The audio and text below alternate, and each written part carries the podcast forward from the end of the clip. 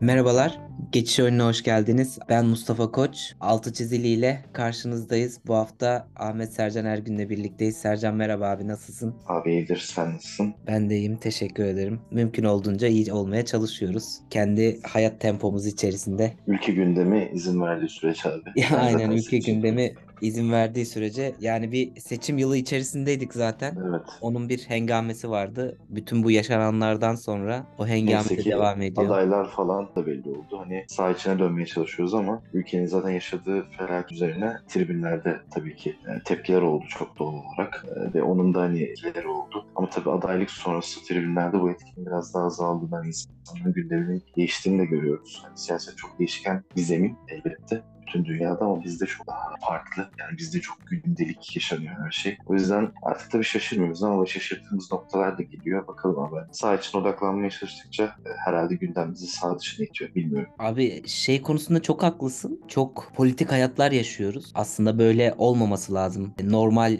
gelişim gösteren toplumlarda ama bizde maalesef bütün hayatımız politize olmuş bir şekilde ilerliyor. E, Bir de şu var. Hayatımızın her alanı bu şekilde politize geçiyorken biz zaten çok günlük yaşayan insanlarız. Bizim maalesef siyasetimiz, politikamız da hep günlük ilerliyor. Demin senin söylediğin gibi. Normalde politika nedir ya da siyaset? Uzun dönemli planlar içeren bir oluşumdur ki o uzun dönemli planlarla hayatı, toplumu, yaşantıyı şekillendirirsin. Ama bizde de onlar günlük akışa göre değişiyor. Her an çok dinamik bir şekilde değişebiliyor ve o değişim de maalesef bizim hayatımıza her zaman çok olumsuz e, yansıyor. Bir de bu o kadar biz günlük hayatımız içinde de politize olmuş bir şekildeyiz ki yani bunu hayatın her alanına, her anına sirayet etmemesi mümkün değil. E, malum şuraya getireceğim konuyu. Deprem ve sonrasında herkes nereye ne şekilde e, bir taraftan nasıl yardım edeceğini, nasıl bir şekilde elinin oraya değeceğini düşünürken bir taraftan da tüm olan bitene kızgınlıkla bir şeylerin değişmesine yönelik bir harekete geçmeye başladı. E, bunu bir şekilde dile getirmeye başladı. E, bunun bir yansıması da tribünlere oldu ki ol, bu yansımanın olmaması da mümkün değildi. Ve nasıl olur ya işte tribünlerde futbola siyaset girer mi? Siz topunuza bakın siyasete karışmayın. Karşıt tepkisi oluşmaya başladı. Hani hayatımızın her alanına, alanına bu kadar girmişken tribünlerden bunun yaşanmayacak olmasını beklemek çok tuhaf geldi aslında öyle değil mi? Abi kesinlikle yani şeyle beraber okumak lazım tabii süreci. Referandumlar, işte başkanlık seçimi e, sonrasında Covid derken zaten sosyal alanda, kamusal alanda insanların nefes alabileceği çok fazla alan kalmadı. Ve bu yüzden de işte tribünlere dönüş zaten sokaklara çıkamıyoruz malum sebeplerden dolayı. İnsanların nefes alma ihtiyacı var. Burada toplu olarak yer aldıkları birkaç tane yer var. Bunlardan biri stadyumlar. Hani Mısır'da bu başlayan olaylar, Tahrir Meydanı'na sıçrayan olaylar aslında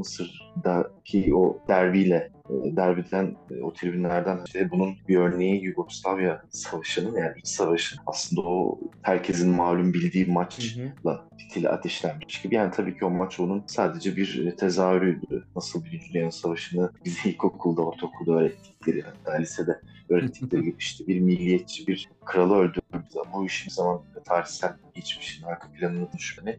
O yüzden bizim hani tarihe bakıda siyasetimiz de günlük yani tarihi de mesela tarihsel koşullarla tartışmadığımız için e, siyasetinde dediğin gibi günlük yani sabah nefes aldığın itibaren e, politik bir şeyin içine düşüyorsun. Okula gidiyorsun, iş yerine gidiyorsun, yürüyüşe çıkıyorsun. Her yerde bir şekilde politize olmuş. İnsanlar kitlelerle karşılaşıyorsun. Bir çekince var bir yandan bir nefes alma ihtiyacı var ama e, bunun yani ülkenin aslında bir nefes almaya ihtiyacı var. Bu uykusuzun kapaklarından birinde vardı. Hani ülkeyi boşaltın bir e, su tutacağız hortumla da hani ondan sonra girersiniz gibi. Böyle bir şeye ihtiyacımız var. Bakalım süreç herkes adına. Çünkü gerçekten istediğimiz şeyler çok basit. Nefes almak, kendimizi özgürce ifade etmek ve yaşamımızı adil bir şekilde idame etmek, sevdiklerimizle birlikte olmak, çocuklarımızı büyütmek, e, hani bu değerli ülkeyi 100. yılında Cumhuriyet'in 100. senesinde çok daha ileriye taşımak istiyoruz biz bu ülkenin gençleri olarak. Hani bunda da kararlıyız. E, burada hani bizi dinleyip de bu noktada kapatacak olan da varsa onlara da saygım var ama biz hiçbir zaman düşüncelerimizi saygı,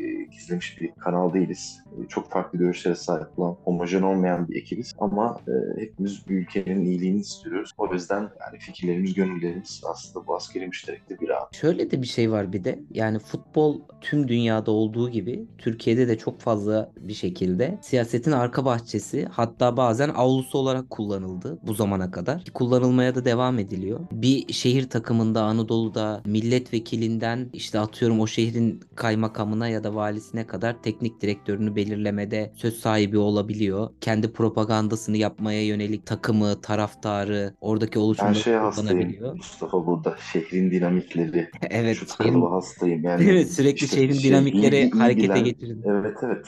Ligi iyi bilen hoca, şehrin dinamikleri. Sonrasında takımı bir sene önce kasasını boşaltıp menajerlerle bize sokan içeride de alacağı olan başkana tekrar dört kolla sarılma. Hani bu böyle bir kısır döngü ve hani ben bu terimlerin bir kavramların hastasıyım. Hani bunu belirtmeden geçemeyeceğim. Bu bu kadar alenen yapılıyorken bu zamana kadar ya da işte geçen hafta Ali Koç'un haklı isyanında da şey vardı. Yani işte bir takımın şampiyonluğunda işte 2-3 tane bakan selfie çekinirken ya da o şampiyonlukta bir şekilde gizli ya da açık katkısı olduğunu gizlemeden ya da açıkça söyleyebiliyorken o zaman işin içine siyaset girmiyordu. Ama geçen haftadan itibaren mi girmeye başladı bu gibi e, türlü türlü şeyler de varken bu birazcık da şey geliyor işte insanın böyle anlarda böyle kanına dokunan, çok zoruna giden, bu da mı oluyor ya, bu da mı söyleniyor, söylenebiliyor dediği anlar oluyor. Onlardan birini yaşadık aslında. Tam biz bir de bunları yaşıyorken bir hafta sonrasında İngiltere'de acayip bir olay oldu. Göçmen politikası üzerine yeni bir yasayı e, meclise getirdi İngiliz İngiliz hükümeti E, ve zamanında ailesi İngiltere'ye göçmüş olan Dışişleri Bakanı bu yasayı hararetle savunarak mecliste açıkladı. E, tanıttı daha doğrusu. Yasal yollarla ülkeye girmeyen göçmenler artık sınır dışı edilecek ve göçmen prosedürüne sokulmayacakları açıklandı. Eğer yasa kabul edilirse galiba değil mi? Daha kabul edilmedi yanlış bilmiyorsam. Lineker de bunu Twitter hesabından açık bir dille eleştirdi. Zaten o da politik bir insan.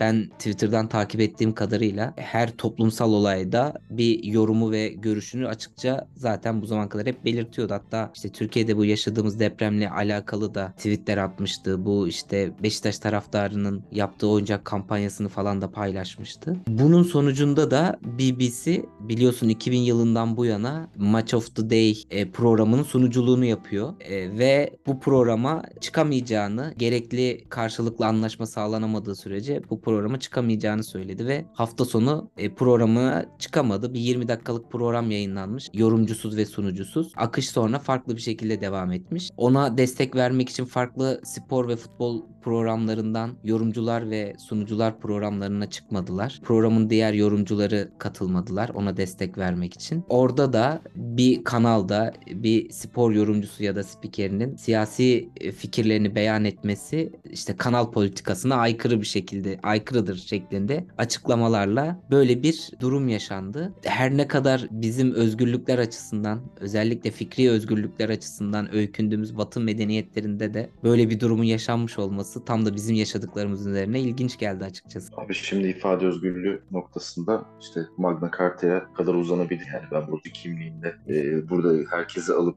tarihsel bir yolculuğa çıkarmak isterdim. Ama benim de hani bilgilerim sınırlı ama işin şakası bir yana neredeyse bin yıldır ifade özgürlüğünü e, bir şekilde garanti altında olduğu bir ülke. Tabii ki çok fazla dinamikler yaşamış. Ya bir kere İngiltere kıta Avrupa'sından çok farklı Mustafa. Bunu az biraz hani biliyoruz. Bu Premier Lig ile alakalı bir durum değil. Şimdi BBC zaten devlet televizyonu aslında kağıt üzerinde de ama bundan 50 yıl önceki BBC değil. Artık yani çok farklı. Dünya ile entegre olmuş e, durumda. Bütün global pazarda. Yani BBC'nin konumu öyle. Tabii burada Lineker'in zaten hani politik bir figür olduğu yani senin en bilinen yorumcularından biri. E, haliyle dünyanın takip edilen ve sözüne bir şekilde e, güvenilen yorumcularından biri. Zaman zaman polemiklere giren ama keskin zekası olan ve dediğim gibi toplumsal e, olaylara du- duyarlı bir isim. O yüzden hani bu gösterdiği duruş çok değerli. Yani Muhafazakar Parti şu anda iktidarda. E, neredeyse Thatcher esintileri var İngiltere'de. Bu Rishi Sunak çok ilginç bir karakter. Ben geldiğinden beri hiç ısınamam. Biraz iş. Zaten arka planına bakınca Hindistan'ın Bill Gates'i denen bir milyarderin kızıyla evlenip aslında sosyal olarak statüsünü yükseltmiş bir isim. Senin dediğin gibi kendisi göçmen olan e, Maldivler Kenya kökenli bir mesela parti üyesi bunlardan bahsediyor. Ya göçmen politikaları çok çok su götürecek, çok tartışmalı, çok çetrefilli, birçok açıdan alınması gereken bir konu. Ama daha bugün bunun üzerine Almanya ile Fransa çok pardon Fransa arasında bir anlaşma var ve yani Fransa'nın sınır devriyelerini getirmesi o Manş Denizi'nin geçtiği 500 milyonluk bir e, anlaşma imzaladılar. Burada bir inanılmaz bir hipokrasi var. E, yani dediğim gibi Muhafazakar Parti'nin iktidar süresinde şu an hani sadece göçmen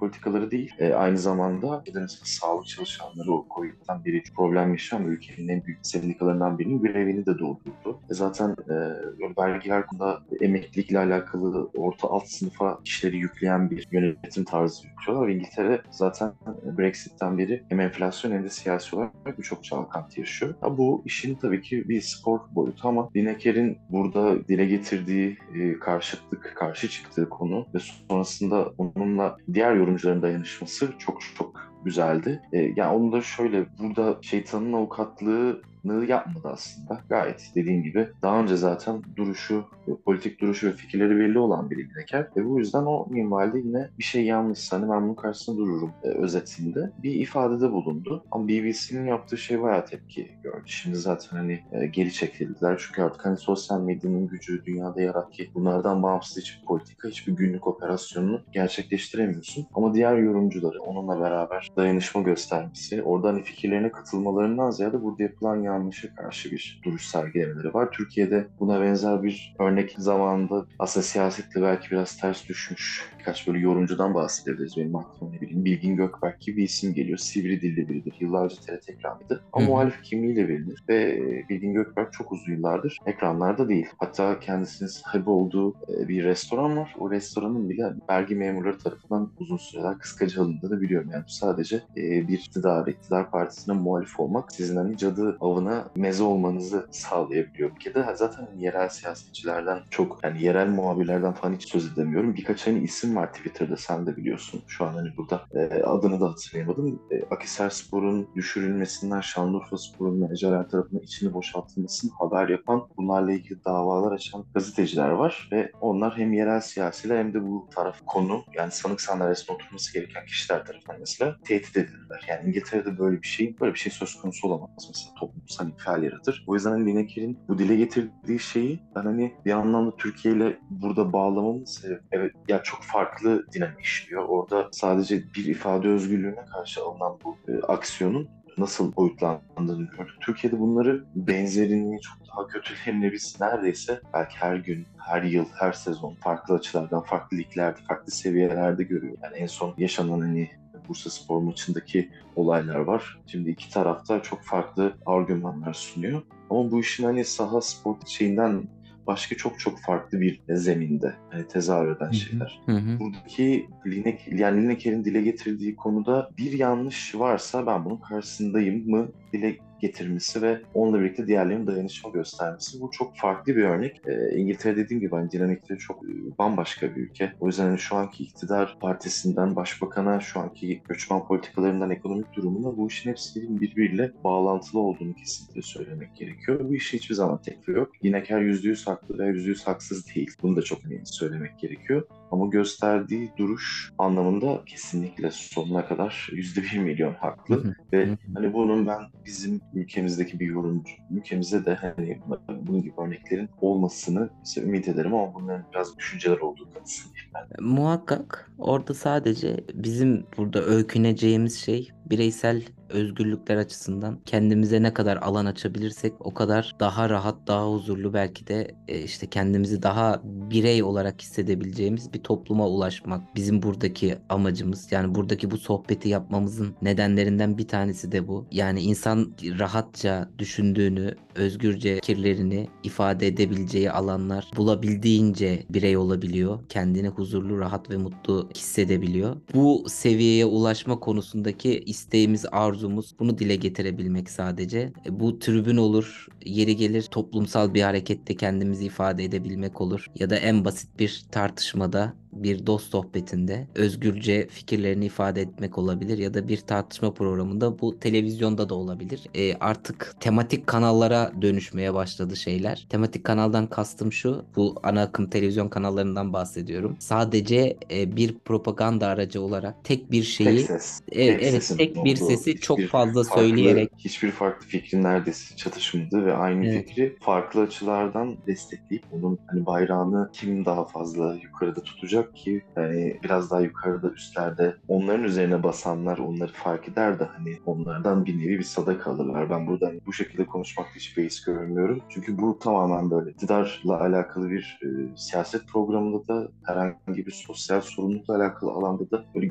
aradan çıkmaya çalışan, kafasını sokmaya çalışan siyasiler hani bakanlardan en alt mülki amirlere kadar senin programın başında bahseden yerel yönetim dinamiklerindeki kişilerde. O yüzden hani bunları gördüğümüz için e, bazen hani diyecek çok da fazla bir şey kalmıyor günün. Evet, evet maalesef. E, deyip bu bölümü kapatalım istersen yavaş yavaş. Birazcık e, bizim için en azından geçtiğimiz haftaların e, gündemiydi. Sadece işte Lineker olayıyla birlikte beraber bir konuşup tartışmak istedik. Bu haftanın asıl e, bizim için futbol özelinde konusu Avrupa kupalarındaki rövanş maçları. Fenerbahçe, Başakşehir ve Sivasspor geçtiğimiz hafta oynadıkları maçların rövanşlarına çıkacaklar ki bu sene toplanan puanlarla birlikte son geçtiğimiz 4 seneye nazaran ciddi bir başarı elde edildi aslında. 20. sıraya kadar ülkeler sıralamasında UEFA ülkeler sıralamasında 20. sıraya kadar gerilemiştik ve bu nedenle artık şampiyon takım e, Şampiyonlar Ligi'ne playoff turundan katılmaya hak kazanıyor ki zaten e, ikinci takımımız işte eleme turundan playoff'a çıkıp playoff'ta eleniyordu yıllardır. Artık e, bu duruma Orası zaten şampiyon çok zor bir yol Mustafa zaten Kesinlikle. orada hani bir de yani Türk takımlarının ben ön elemelerde Galatasaray çok başarılıydı yıllar önce hatırlarsın. Neredeyse 7-8 kez ön elemede hepsinde gruplara kalmıştı. Sonra o döngü bir kez kırıldı ve zaten diğer takımların öyle bir Avrupa geleneği yok. Hani bu çok normal. Sezonu Temmuz ayında açıp Haziran sonunda açıp e, Avrupa'da Mart'ın Nisan'ı görmüş Türk takımı. Neredeyse hemen hemen yok. Bu da hani hepsi birbirini besleyen zincir gibi bir şey herhalde.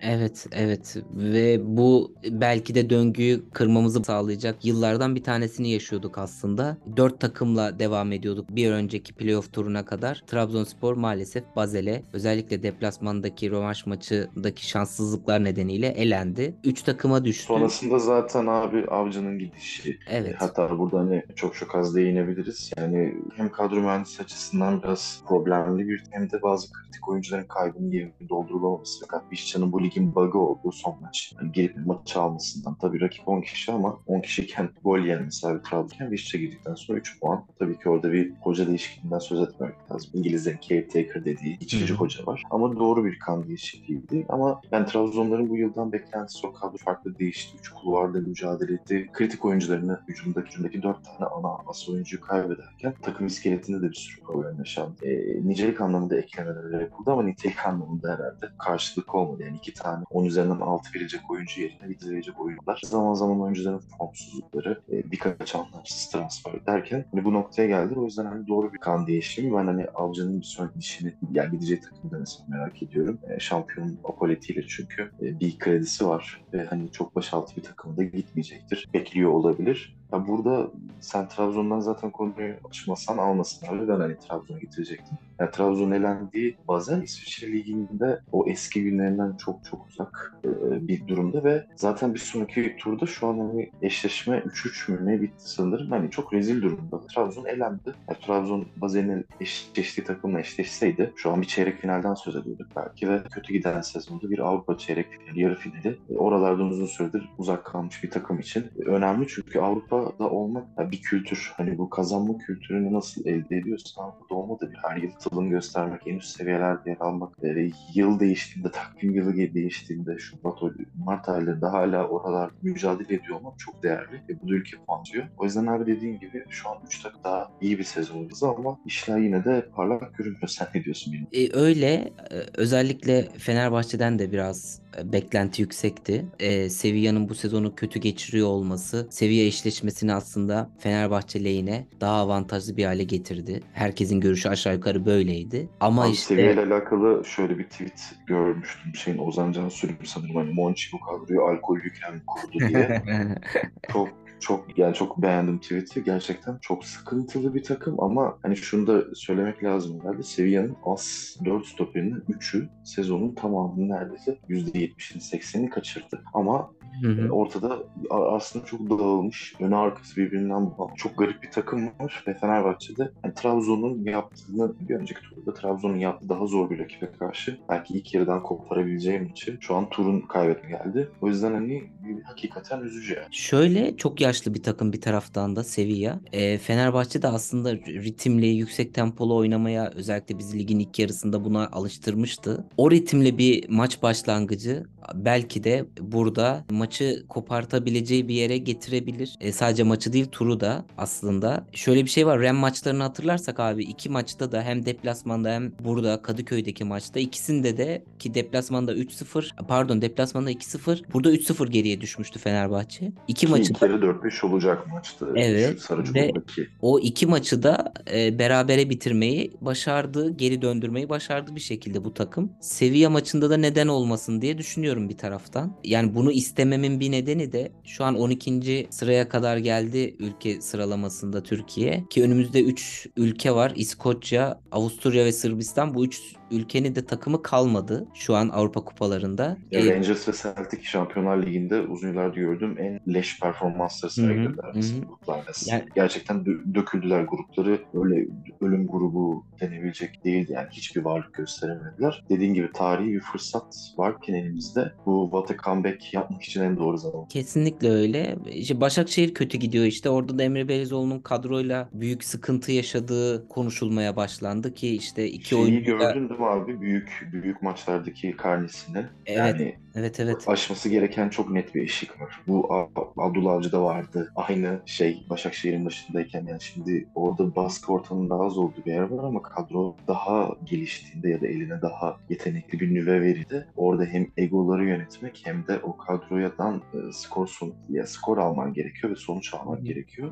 Ben hı. Avcı'ya biraz Emre Belezoğlu'nun daha fazla şey vaat ettiği çok daha net bir bulun. Yani yaşları arasında 20 yaş gibi neredeyse belki bir fark var. Ama büyük maçlarda sonuç alamamaya devam eder. Bu hem takımdaki geleceği hem de ki ve Süper Lig'deki e, bundan sonra yer alacağı pozisyonlar için. Ya tabii Emre yüksek profilli bir isim. Oyunculuğundan, aldığı sürelerden, Avrupa'daki kariyerinden dolayı ama illaki etkileyecektir diye Çok başlangıcı sükseli ve çok umut vaat bir şekildeydi. Hem Fenerbahçe'de hem de Başakşehir'de. Dediğin gibi bazı şeyleri halledemezse o eşiği atlayamaz. Ama işte vaat ettiği ve işte senin dediğin gibi yüksek profilli olması ona birkaç defa daha büyük şansların verilmesine neden olacaktır elbette ama işte iyi bir teknik direktör olmak birçok enstrümanı aynı anda kullanma becerisini de e, gerektiriyor. Teknik taktik bilginin yarı sıra en en günümüzde önemli veya da yüzdesi fazla olan insan yönetimi, ilişki, iletişim becerisi. Mustafa hakikaten. Kesinlikle. Yani sen de sen de öğretmensin yani bir sınıfı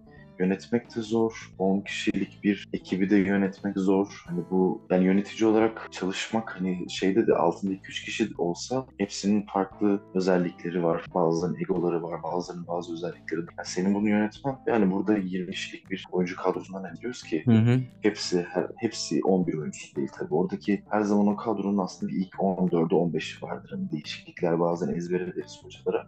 Ama hani hem kadronundaki oyuncuların kalitesi hem de form durumları nedeniyle o oyuncuları bilir. Yani Başakşehir için hani gel mesela hafta sonu 6 atmışlar. Zultevar'a gelen 6-2 yenmişler ama Belçika Ligi zaten bu skorların o e, forvetlerin, savunmacıların defans orta sahaların eskortluk kaleye kadar eşlik ettiği bir lig. Hani orada 30 tane tam bir oyuncunun başka hiçbir yerde varlık gösteremeyip ligine tıpış tıpış daha alt profili bir takıma geldi. Defalarca gördük. O yüzden burada e, onun için bir çıkış noktası. Kendini kanıtlama maçı. Yani müsait de bir kupada buradan sonra bir tur daha geçebilir, başka yerlere götürebilir. Elinde de hani iyi bir kadro var e, Başakşehir'in. E, devre arasındaki takviyelerinin tam oturduğunu söylemek zor. Endiş, ile ilgili yani Yusuf'un aslında kaybı e, çok çok çok etkiledi onları olmadı ama bir tane oyuncuya bağlı bir sistemden söz ediyorsak burada da zaten direktörle alakalı problem var. Evet bir taraftan da e, Sivas Spor'a da değinmek gerekiyor. E, Çok iyi skor bu arada. Yani aslında sıfır. evet Evet. Fiorentina bayağı yükselişte. Milan'ı tokatladılar. Ben Hı-hı. maçı izledim. Formdalar. Çok geniş ve alternatifli değişik bir kadroları var. Artur Jovic bu iki tane adamı hani Murat Paluli ile falan çıktı oraya. Oradaki skor bence çok iyi. Orada da ben zaten kaleci hatasından e, kaynaklanan bir gol var. O yüzden hani burada eski Sivas olsaydı abi işte 4 Eylül stadım o bozuk zeminde Kamanan'la Mehmet Yıldız'la döve döve elerdik. Bakın yani iyi zeminde biraz daha zor iş. İşte tam Fiorentina'nın tersine e, Sivas'ta da ciddi bir kadro sıkıntısı, kadro genişliği sıkıntısı var. E, dediğin gibi kimlerle kimlerle çıktı sahaya ki Gradel sonradan girdi. Herhalde kart cezalısı olduğu için rövanşta da oynamayacak yanlış bilmiyorsam. Evet evet abi ya bir de abi senelerdir almıyorlar kimseyi. Yani bu bir tercih artık. Rıza Hoca da ağlamayı, ya şimdi burada şey yapmak istemiyorum da bir maçtan sonra çıkıp ben şey dediğim duydum. iyi bir performans gösteremedik. Takım olarak ben bireysel olarak işte gerekli müdahaleleri yapamadık. Kaybettik. Taraftarımızdan özür diliyoruz veya biz bunun üstesinden geleceğiz. İstanbulspor'da 3 yiyorsun. Yine bahanen var. Yani bu asla bitmeyen bir e, şey. O yüzden hani bu ya ben Fiorentina'yı eleyebileceklerini düşünmüyorum. Hani bu takımın üzerinde bir ölü toprağı var. Dediğim gibi Gradel ne kadar yaşı ilerlemiş olsa da çok çok kaliteli bir isim hissedecekler. Şapkadan tavşan çıkarmaları gerekiyor. İşte dediğim gibi eski zeminler, kış şartları olsaydı e, belki bir şanslar olurdu ama Fiorentina da gerçekten formda geliyor buraya ve belki hani önümüzdeki 1-2 yıl içinde ilk 4 e, takım olabilecek bir e, hüviyetindeler. Tabii ellerindeki oyuncuları tutabilirlerse elbette. Evet. O yüzden hani e, temsilciler için herhalde çok ümitli konuşabilecek bir konuda değiliz. Yani Başakşehir bence eleyecek yani. Daha tecrübeli bir takım.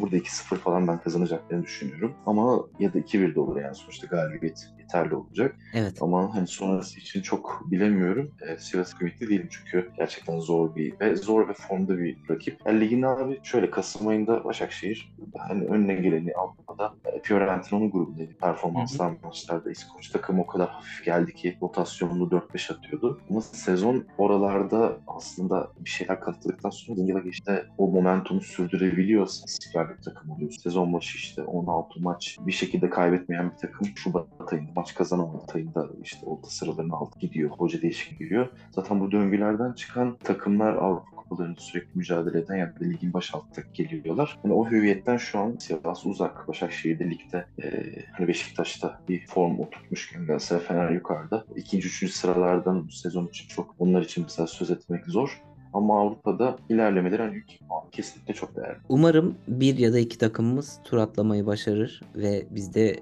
ülke sıralaması açısından biraz daha umutlu sezonu bitirmeye doğru gideriz. Önümüzdeki hafta rövanş sonuçlarına göre tekrar burada konuşuruz abi devamını. Yani Fenerbahçe'nin de doğru bir kadro ve oyunla seviyeyi elememesi bir sebep yok. Orada da bir teknik direktör formsuzluğu, elin inadından çok söz etmek gerekiyor. Yani burada ismini çok vermek istemiyorum ama Fenerbahçe'nin bazı safralarından kadroda kurtulması gerekiyor ve bir mevkiye 10 üzerinden 6'lık 7'lik 3 tane adam almak, oyuncular alması gerekiyor ve ne yaptığına karar veriyor. Şu an parlatıp yabancıyı İtalya pazarına satan takım oldu bir açıdan. E, şu anda yine elinde bir değerli aset var. Ama onun yanında gidip e, sıradan oyunculara 3 ona 3 bunu 4 buna verdiğini burada konuştuk. Yani lig toplamda 10 milyonu verip net bir oyuncu almak bu tabii ki sadece bonservis bedeliyle ölçümlenecek, ölçümlenebilecek bir şey değil. Ama illaki oyuncuların da belli piyasaları var. Bir marketten bir şey aldığında bile e, daha pahalı olan da belli özellikler veya farklı kaliteler var. Orada hani markadan söz edebiliriz. Burada da oyuncuların yarattığı değeri var. O yüzden kimin üzerine yatırım yapılması gerekiyor. Hala 25 tane sana gol atmış e,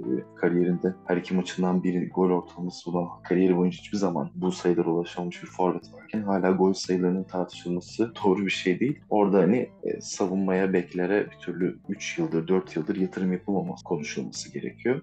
Yani Sevilla'da gerçekten berbat bir takım abi. Yani önü ayrı, arkası ayrı. Yani Brian Hill'ler, Lamela'lar bence çok overrated adamlar. E, Brian Hill falan yani Tottenham'da böyle giriyor bir şey gösteremeden bir sağa sola koşuyor. Sinek gibi adam. E, yani işte çıkıyor Gudeli bir uzaktan vuruyor birkaç tane. E, bir maç ama Fernando gidiyor yakıyor. Yani elinde çok acayip adamlar yok. Yani Ajax'ta bile forma şansı bulamamış o Kampan takım kurtarıcısı ki ben çok severim beğenirim. Şampiyonlar Ligi çok iyi, farklı bir oyuncudur. Hani ben Galatasaray Galatasaray'da falan görmeyi çok isterim mesela. Ki bizim seviyemizin üzeri bir oyuncu. E, ama ben zaten abi biraz seviyeye de gıcığım. Yok araya Marka'yı aldılar. üstüne Nelson'a sulandılar. E, Marka'dan da faydalanamadılar. O milyonlarca taraftarın ahı var. Yani işin şakası bir yana orada bir şanssızlıktan da söz etmek lazım seviye. Seni bu noktalarda olmayacak. Hala La Liga'da olursa diyerek ufak bir mümin şakasıyla bitireyim abi. Eyvallah abi sağ olasın. Ben de e, senin gibi düşünüyorum. Sevilla'yı elemek çok uzak bir ihtimal gibi görünmüyor bana da. Umarım dediğim gibi bu tur özelinde bir ya da iki takımımız üst tura çıkarsa ülke puanı açısından bizi de önümüzdeki yıllarda ki en çok Galatasaray'a yarayacak gibi görünüyor. Çünkü Galatasaray önümüzdeki sezonu da şampiyon tamamlayabilirse iki sezon ardarda arda bir, sezon, bir sonraki sezon e, bu sezon toplanan puanların ekmeğini yiyebilir gibi görünüyor. Diyerek bu haftayı da kapatalım. Ağzına sağlık. Yine Abi senin de çok teşekkürler. Her zaman seninle konuşmak, program çok keyifli. Eyvallah abi. Bilmukabele. Farklı iki uç konuyu konuşmaya çalıştık. Biraz sağ dışından sonrası sağ içinden. E, dilimiz döndüğünce konuşmaya çalıştık. Geçiş oyununu tüm podcast mecralarından takip edebilir. Altı çiziliyi de tüm podcast mecralarından takip edebilir ve dinleyebilirsiniz. Önümüzdeki hafta yeni konularla tekrar karşınızda olmaya çalışacağız. Sercan'la birlikteydik bu hafta. Ben Mustafa Koç. Haftaya tekrar görüşmek üzere. Hoşçakalın. Hoşçakalın.